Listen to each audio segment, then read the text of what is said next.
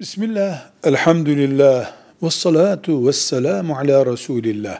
Galerici ile araç alıp satanı kastediyoruz.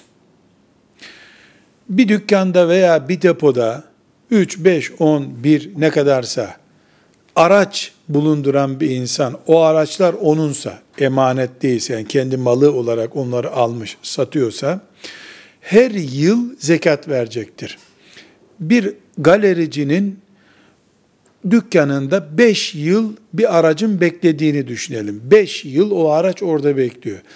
Birinci senesinde, ikinci, üçüncü, dördüncü, beşinci senesinde zekatları verilecek bunu. Yani geçen sene zekatı verdi diye bu sene aynı araç zekattan muaf olmaz.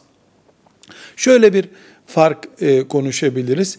Bu araç birinci senesinde mesela 100 bin lira üzerindendi zekatı, piyasa fiyatı oydu. 5 sene üzerine, üzerinden yıl geçtiği için bu araç 40 bin liraya düştü. Olabilir.